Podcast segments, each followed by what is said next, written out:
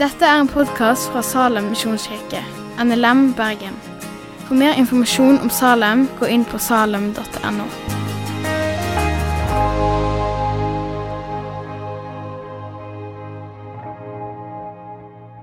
Dagens tekst eh, står i en lengre behandling om pengegaver mellom menigheter. Det handler om et ønske om å få være til hjelp for hverandre som Guds folk. Og så er det noen praktiske ordninger som vi kan lære av, og noen prinsipper som vi kan holde høyt når det kommer til økonomi. Les gjerne hele 2. Korinterbrev kapittel 8 og kapittel 9 sjøl. Jeg syns det er veldig oppbyggelig, og du lærer mye om kristen givertjeneste. I dag skal vi lese et utdrag fra, det, eh, fra den bolken. Vi skal lese av søndagens tekst, og så skal vi se på tre punkt om sjenerøsitet. Men vi leser 2. Korinterbrev, kapittel 8, vers 9 og noen vers utover. Dere kjenner vår Herre Jesu Kristi nåde.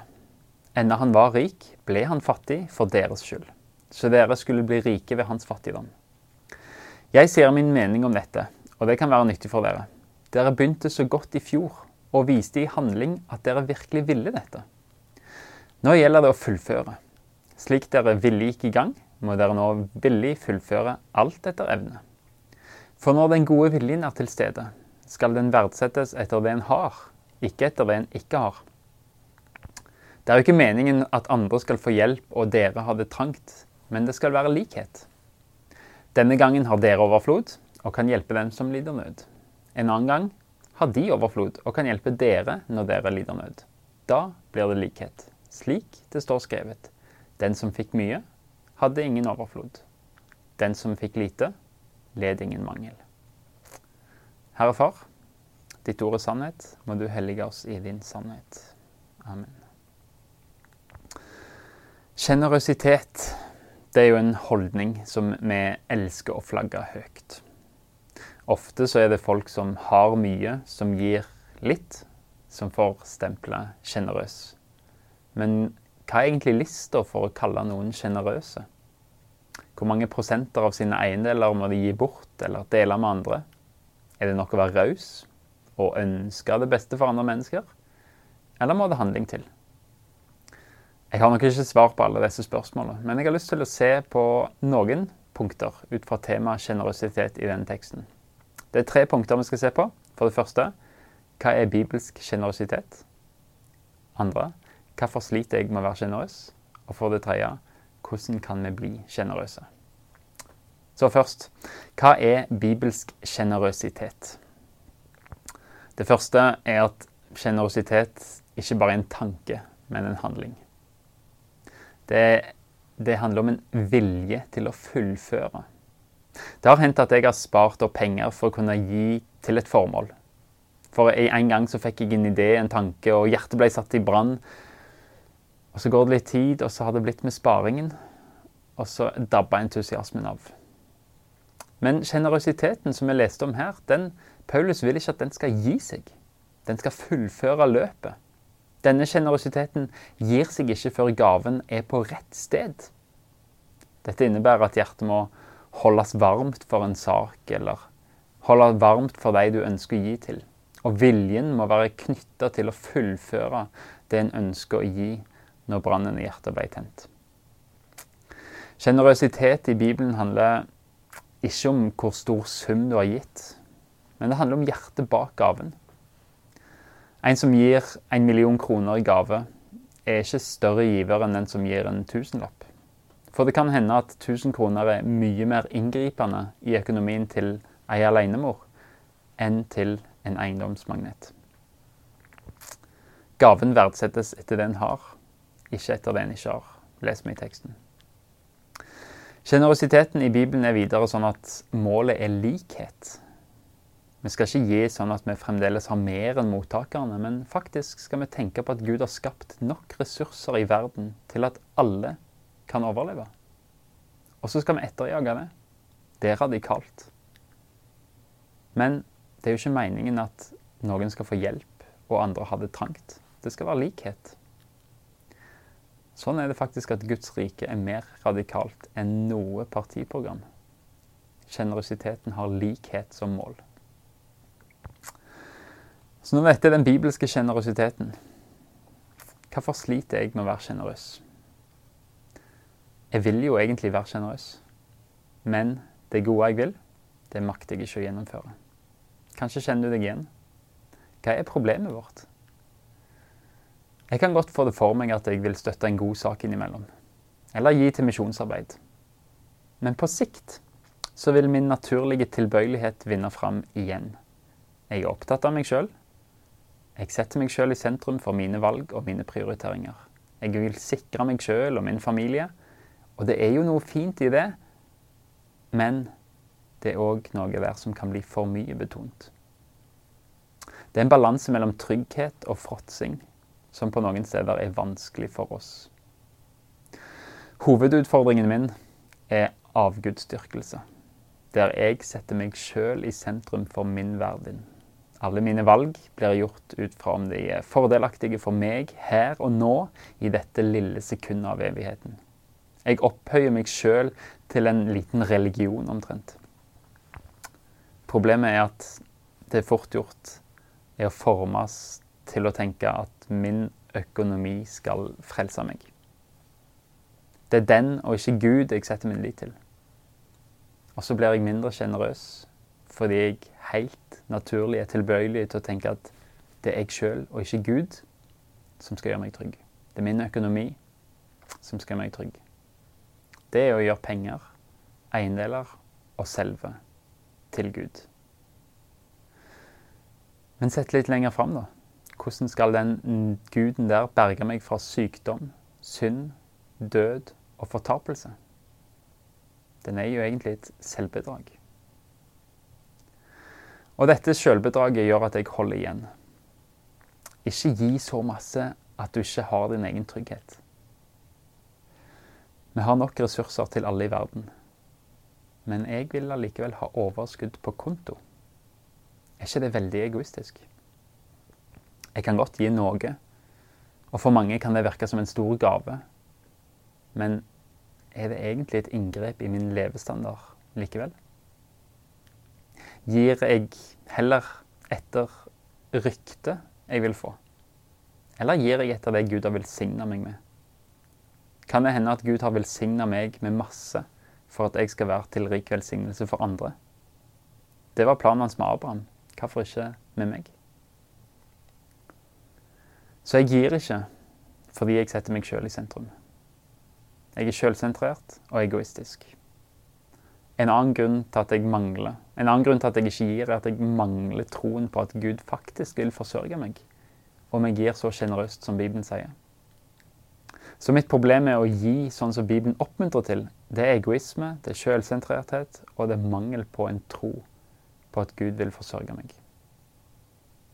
Og Det leder meg til det tredje og siste punktet. Hvordan kan jeg bli sjenerøs? Spørsmålet er feilstilt.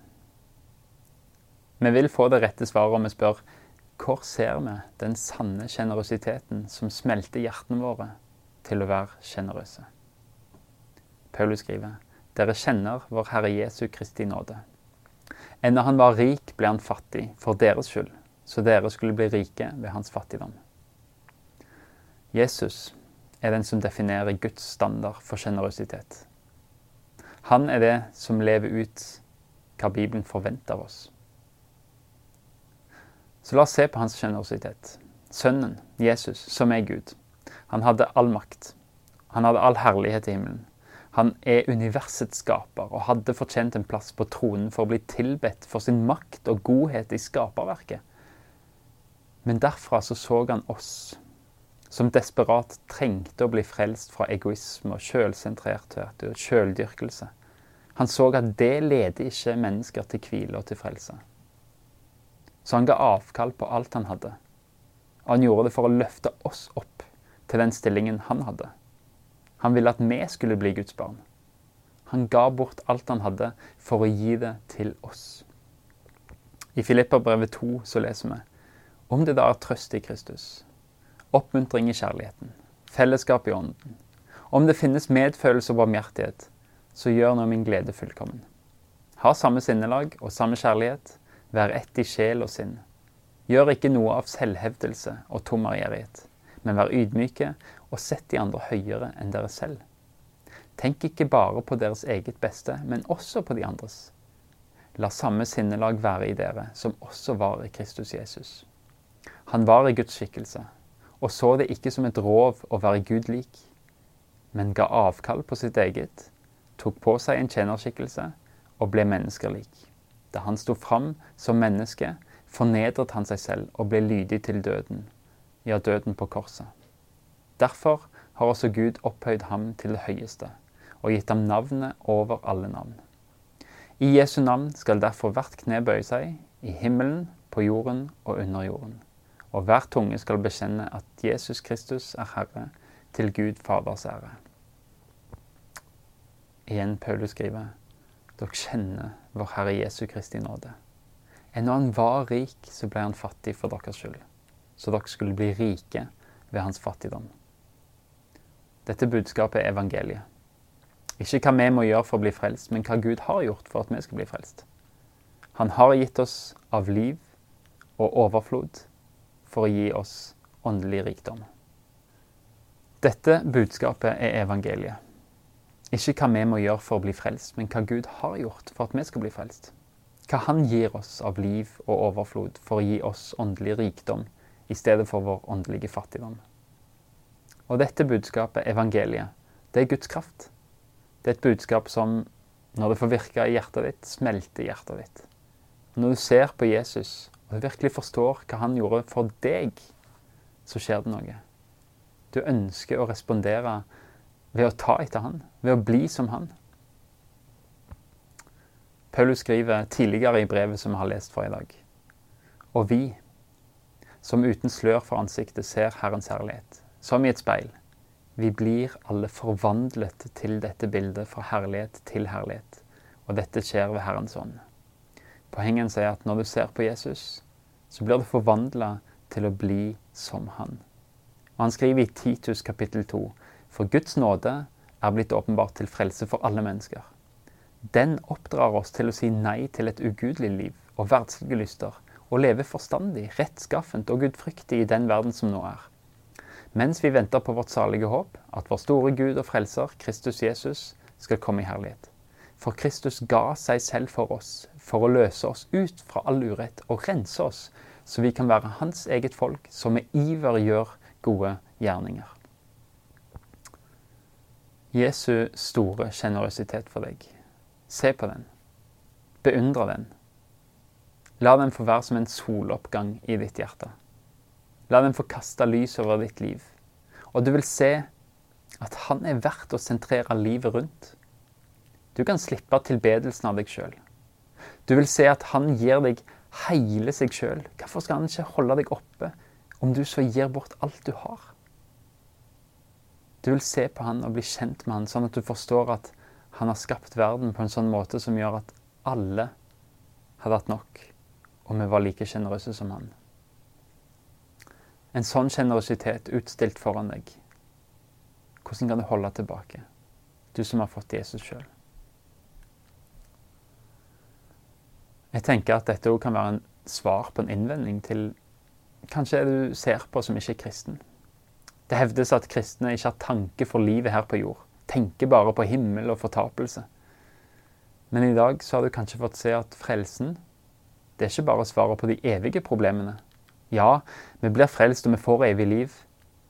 Men den frelsen kan òg være svaret på mellommenneskelige, sosiale problemer.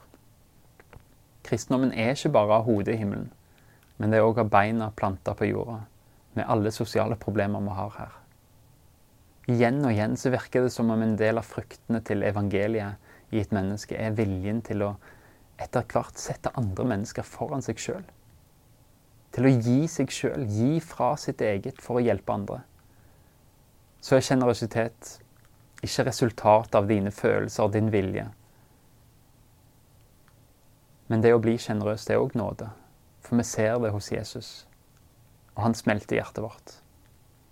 Det er nåde å bli løst fra materialismen.